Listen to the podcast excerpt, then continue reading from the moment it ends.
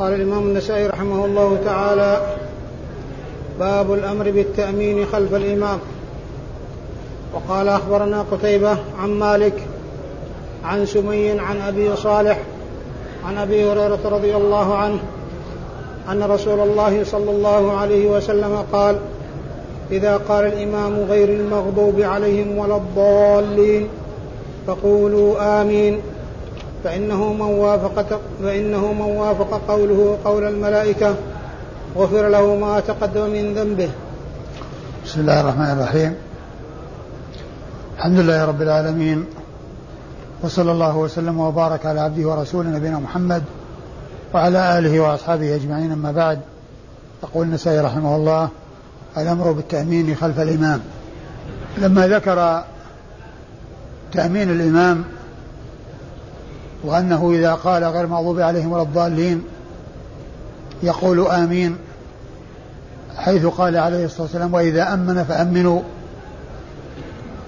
ففيه إخبار عن الإمام بأنه يؤمن وأمر للمأمومين بأن يؤمنوا فيقول آمين. وهذه الترجمة معقودة لما يتعلق بالمأمومين وأنهم يؤمنون كما يؤمن الإمام. فإذا قال الإمام غير المغضوب عليهم ولا الضالين يقولون آمين. ومعنى آمين اللهم استجب. لأن هذا الدعاء الذي دعا به الإمام وهو اهدنا الصراط المستقيم صراط الذين أنعمت عليهم غير المغضوب عليهم ولا الضالين. فيؤمن على هذا الدعاء الذي العبد أحوج ما يكون إليه. وهو الهداية للصراط المستقيم. لأن حاجته إلى الهداية للصراط المستقيم أعظم من حاجته إلى الطعام والشراب. لأن حاجته إلى الطعام والشراب فيهما آه، قوامه في هذه الحياة الدنيا. وأما الهداية للصراط المستقيم فهي سبب حياته الحياة السعيدة حياة السعادة في الدار الآخرة. إنما تكون بالهداية للصراط المستقيم حيث يوفقه الله عز وجل ليعمل الأعمال الصالحة في الدنيا وإذا انتقل من هذه الدنيا إلى الآخرة يجد الأعمال الصالحة أمامه فيكون ذلك سببا في سعادته في دنياه وفي أخراه. وقد أورد النسائي حديث أبي هريرة رضي الله عنه أن النبي عليه الصلاة والسلام قال إذا قال الإمام قال المغضوب عليهم ولا الضالين فقولوا آمين.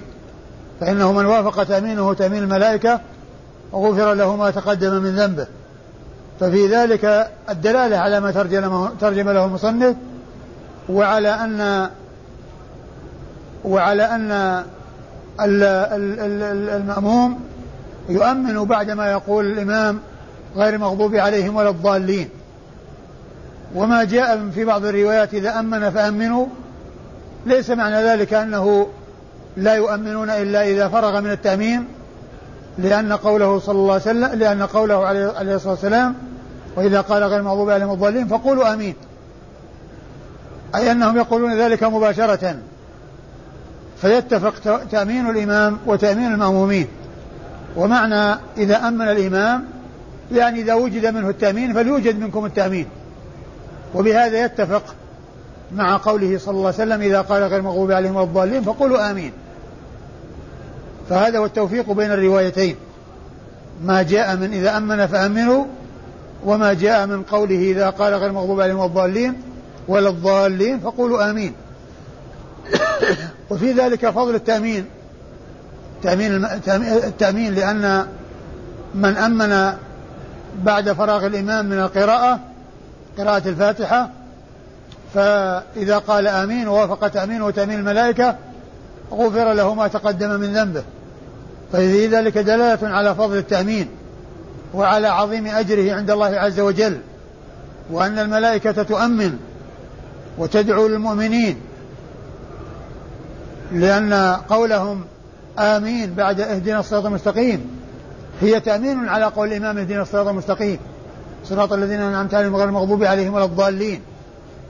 فالملائكة تؤمن وتدعو للمؤمنين وتستغفر لهم كما جاءت بذلك نصوص الكتاب والسنة. أما إسناد الحديث وقوله غفر له ما تقدم من ذنبه المقصود من ذلك الصغائر التي يكون الإنسان فعلها. أما الكبائر فهي لا تكفر إلا بالتوبة. الإنسان إذا كان مرتكبا كبيرة ومصرا عليها ولم يتب منها فإن هذه الأعمال التي منها هذا العمل التي فيها غفران ما تقدم من الذنوب المراد بذلك الصغائر. وأما الكبائر فإنها تحتاج إلى توبة وإلى إقلاع عنها وندم عليها وعزم على أن لا يعود إليها. الإسناد؟ أخبرنا قتيبة؟ أخبرنا قتيبة وهو قتيبة بن سعيد بن جميل بن طريف البغلاني ثقة ثبت. حديثه أخرجه أصحاب الكتب الستة. عن مالك وهو ابن أنس إمام دار الهجرة. المحدث الفقيه. الإمام المشهور. أحد أصحاب المذاهب الأربعة مذاهب أهل السنة. وحديثه عند أصحاب الكتب الستة. عن سمي وسمي هو مولى أبي بكر بن عبد الرحمن بن الحارث بن هشام. وهو ثقة حديثه أخرجه أصحاب الكتب الستة. عن أبي صالح. نعم. عن أبي صالح وهو ذكوان السمان. كنيته أبو صالح واسمه ذكوان ولقبه السمان. وهو ثقة حديثه أخرجه أصحاب الكتب الستة. عن أبي هريرة رضي الله تعالى عنه وهو عبد الرحمن بن صخر صاحب رسول الله صلى الله عليه وسلم. وأكثر الصحابة على الإطلاق حديثا رضي الله تعالى عنه وعن الصحابة أجمعين. وهذا الإسناد رجال كلهم خرج حديثهم أصحاب الكتب الستة. قتيبة بن سعيد ومالك بن أنس وسمي مولى أبي بكر بن عبد الرحمن بن الحارث بن هشام وأبو صالح السمان وأبو هريرة. هؤلاء الخمسة حديثهم عند أصحاب الكتب الستة. فضل التأمين. قال أخبرنا قتيبة عن مالك عن أبي الزناد عن الأعرج عن أبي هريرة رضي الله عنه أن أن رسول الله صلى الله عليه وسلم قال إذا قال أحدكم آمين وقالت الملائكة في السماء آمين ووافقت إحداهما الأخرى غفر له ما تقدم من ذنبه. ثم ورد النسائي هذا الترجمة وهي فضل التأمين وهو أن الله تعالى يغفر به الذنوب إذا وجد التأمين من المأموم ووافق تأمينه تأمين الملائكة والملائكة تؤمن إذا قال الإمام غير المغضوب عليهم والضالين قالوا آمين. والإمام يقول آمين والمأمومون يقولون آمين. ففي ذلك الأجر العظيم وذلك قوله في قوله غفر له ما تقدم من ذنبه. فهذا يدل على فضله وعلى الترغيب فيه لأن من فعله يحصل هذا الأجر. العظيم الذي هو غفران الذنوب ما تقدم منها. وكما ذكرت هي الذنوب الصغائر. أما الكبائر فتحتاج إلى توبة ومغفرتها إنما تكون بالتوبة منها. آه، فالحديث دال على الترجمة وهي فضل التأمين وذلك في قوله غفر له ما تقدم من ذنبه. وإسناد الحديث مالك آه، آه، قتيبة ومالك مر ذكرهما في الإسناد الذي قبل هذا. ومالك يروي عن أبي الزناد وأبو الزناد هو عبد الله بن ذكوان وأبو الزناد لقب على صورة الكنية أو على صيغة الكنية وكنيته أبو عبد الرحمن وأبو الزناد هو لقب له هو على صفة الكنية وعلى صيغة الكنية. وأما كنيته فهو أبو عبد الرحمن واسمه عبد الله بن ذكوان وهو ثقة حديثه عند أصحاب الكتب الستة. عن الأعرج. عن الأعرج وعبد الرحمن بن هرمز الأعرج المدني وهو مشهور بلقبه الأعرج ويأتي ذكره أحيانا باسمه وأحيانا بلقبه وفائدة معرفة ألقاب المحدثين حتى لا يظن الشخص الواحد شخصين. إذا ذكر مرة باسمه وذكر مرة بلقبه فإن من لا يعرف يظن أن الأعرج غير عبد الرحمن بن هرمز وعبد الرحمن بن هرمز غير الأعرج. ومن يعرف ذلك لا يلتبس عليه الأمر بل يعلم أن هذا هو هذا وهذا هو هذا.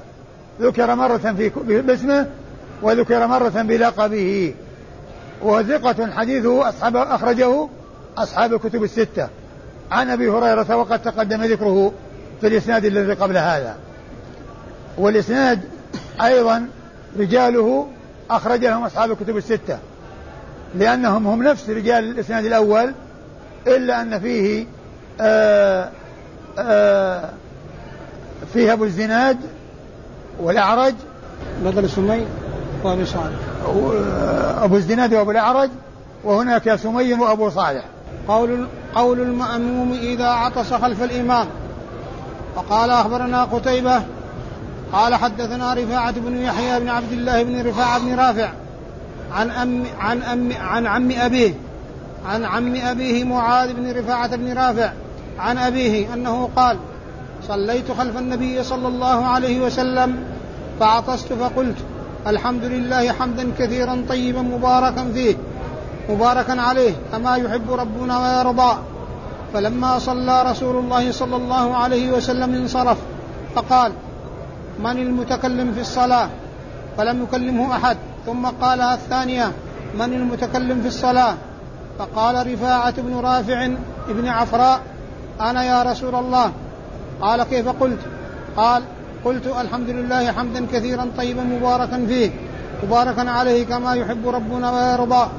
فقال النبي صلى الله عليه وسلم والذي نفسي بيده لقد ابتدرها بضعة بضعة وثلاثون ملكا أيهم يصعد بها. ثم ورد النسائي هذه الترجمة وهي قول قول المأموم. قول المأموم إذا عطس خلف الإمام. قول المأموم إذا عطس خلف الإمام. يعني أنه يحمد الله ولكنه لا يرفع صوته بحيث يشوش على الناس. ولا يجيبه أحد إذا إذا حمد الله. ما يخاطبه ويقول يرحمك الله. وإنما هو يحمد الله وغيره لا يجيبه. وحمده لله عز وجل لا يجهر به بحيث يشوش على الناس. فالحمد هو من من الثناء والدعاء. فيأتي به العاطس لكن سامعه لا يشمته. لأنه لا يخاطب غيره وهو في الصلاة.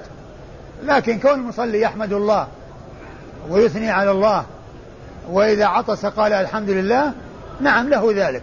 وقد جاءت بهذا السنة. لكن ليس لسامعه أن يجيبه. ولا يخاطب أحدا وهو في الصلاة. إلا الإمام إذا فتح عليه. أما كونه يعني يرد سلام السلام يرد بالإشارة. جاءت السنة بهذا لا يتكلم. والتشميت لا يشمت. والعاطس يحمد الله ولا بأس بذلك. لكن غيره لا يشمته لا يشمته. هذا هو مقصود الترجمة. وقد أورد النسائي في حديث آه، من؟ آه، رفاعة بن رافع. حديث رفاعة بن رافع الأنصاري رضي الله تعالى عنه. قال صليت خلف رسول الله. صلى الله عليه وسلم فعطست. فعطست؟ نعم فقلت فعطست وقلت الحمد لله. قلت فعطست فقلت الحمد لله حمدا كثيرا طيبا مباركا فيه كما يحب ربنا ويرضاه ولما فرغ رسول الله عليه الصلاة والسلام قال من المتكلم؟ فلم يجبه أحد. ثم أعادها قال من المتكلم؟ فقلت أنا. فقال لقد رأيت بضعة وثلاثين ملكا يبتدرونها أيهم يصعد بها؟ يعني كل واحد يريد أن يصعد بها أول وأن يبادر إلى رفعها إلى الله عز وجل وإلى الصعود بها لأن هذا عمل يرضاه الله عز وجل لأنه ثناء عليه. فدل هذا على أن العاطس عندما يحمد الله عندما يعطس له أن يحمد الله. لكن ليس على شامته ليس على سامعه أن يشمته ليس على سامعه أن يشمته بل هو يحمد ولا أحد يجيبه ويتكلم معه. هذه هي السنة في ذلك عن رسول الله صلوات الله وسلامه وبركاته عليه. ثم قوله لقد رأيت بضعة وثلاثين ملكا يبتدرونها أي كل منها أيهم, أيهم يصعد بها يدل على عظم أجرها وعلى عظم شأن هذا الذكر الذي يذكر الله به عز وجل عند عند العطاس في الصلاة ولكنه كما ذكرت لا يرفع صوته صوتا يشوش فيه وغيره لا يجيبه وإنما هو يحمد الله ويثني عليه. وهذا الحديث دليل واضح الدلالة على ذلك. أما إسناد الحديث فيقول النسائي أخبرنا قتيبة. قتيبة وقد مر ذكره. عن رفاعة. حدثنا رفاعة حدثني رفاعة ابن رافع ابن يحيى. رفاعة بن يحيى. رفاعة بن يحيى ابن عبد الله بن ر... ابن رفاعة بن رافع. رفاعة بن يحيى بن عبد الله بن رفاعة بن رافع. رفاعة بن يحيى؟ أي نعم. ابن عبد الله ابن رفاعة بن رافع. عن أمي عن قال حدثنا قتيبة. ها؟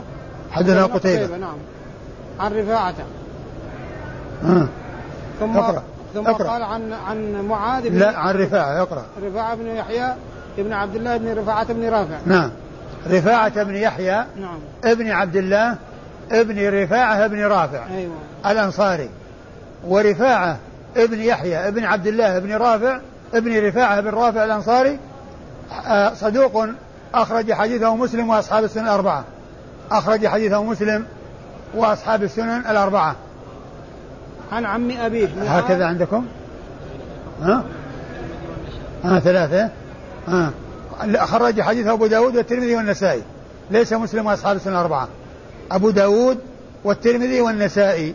هؤلاء خرجوا حديث رفاعة بن يحيى ابن عبد الله ابن ابن ابن رفاعة بن رافع الأنصاري.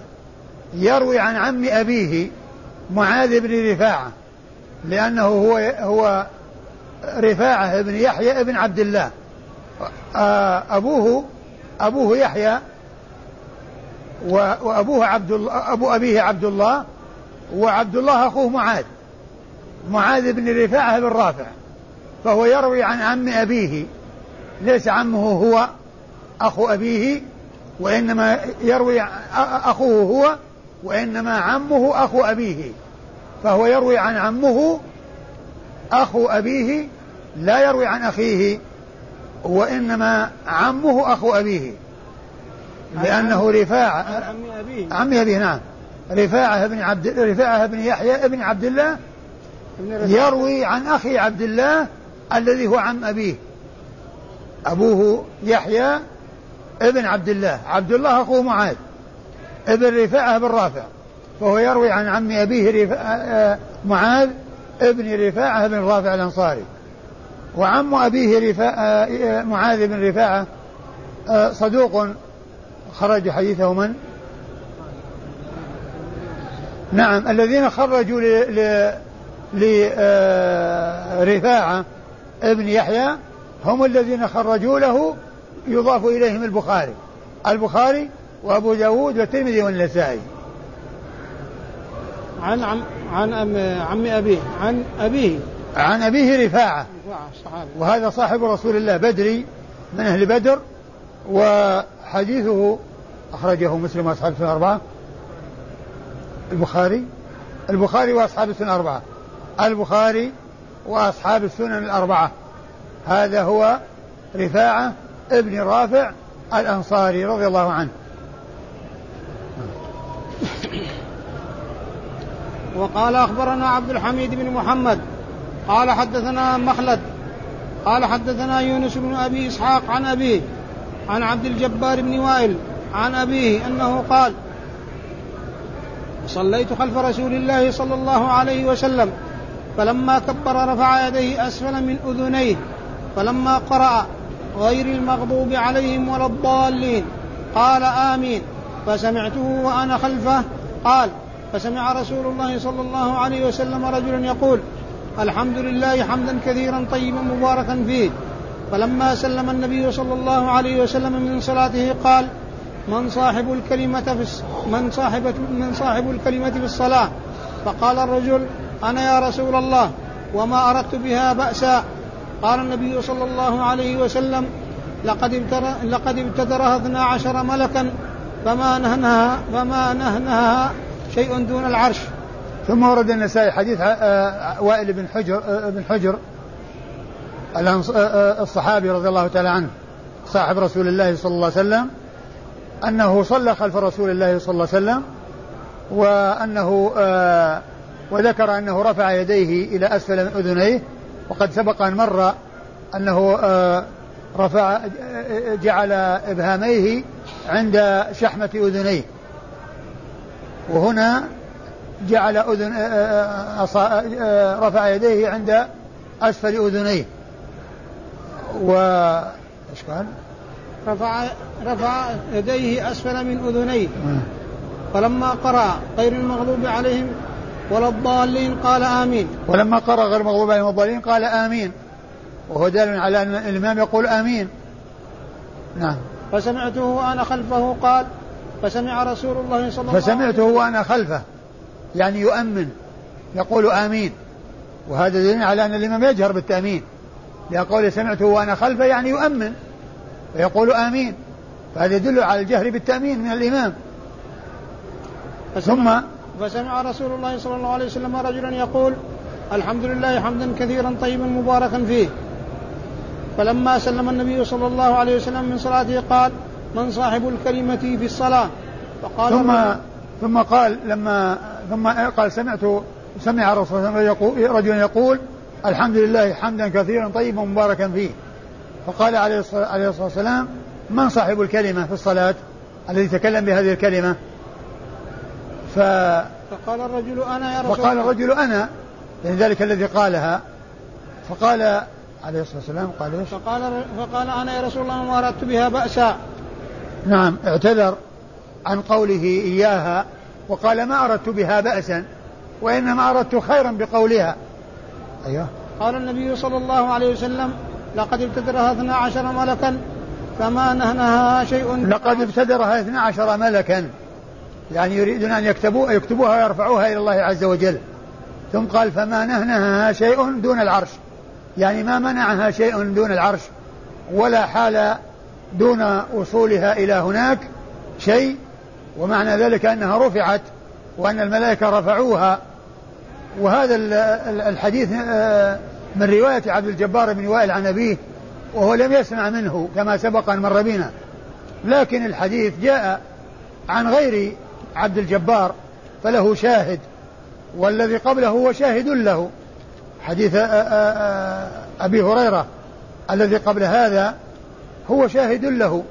إلا في قوله فما نهنها شيء دون العرش هذا هذه آه، زيادة ليست ليس لها شاهد من الروايات الأخرى فيكون الضعف بها لأن عبد الجبار لم يسمع من أبيه فروايته غير ثابتة إلا إذا وجد لها شواهد والحديث له شواهد إلا هذه الجملة وهي فما نهنها شيء دون العرش هذه ليس لها شواهد وإنما هي من هذه الطريق التي فيها انقطاع.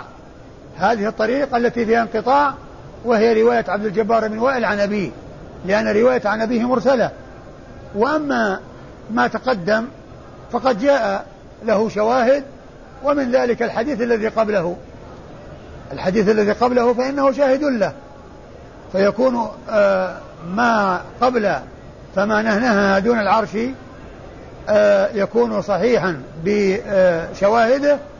وهذه الزيادة التي انفردت بها هذه الرواية لا تثبت لعدم وجود ما يشهد لها ولكون الإسناد فيه انقطاع فلا يعول على ما جاء به دون أن يكون له شاهد.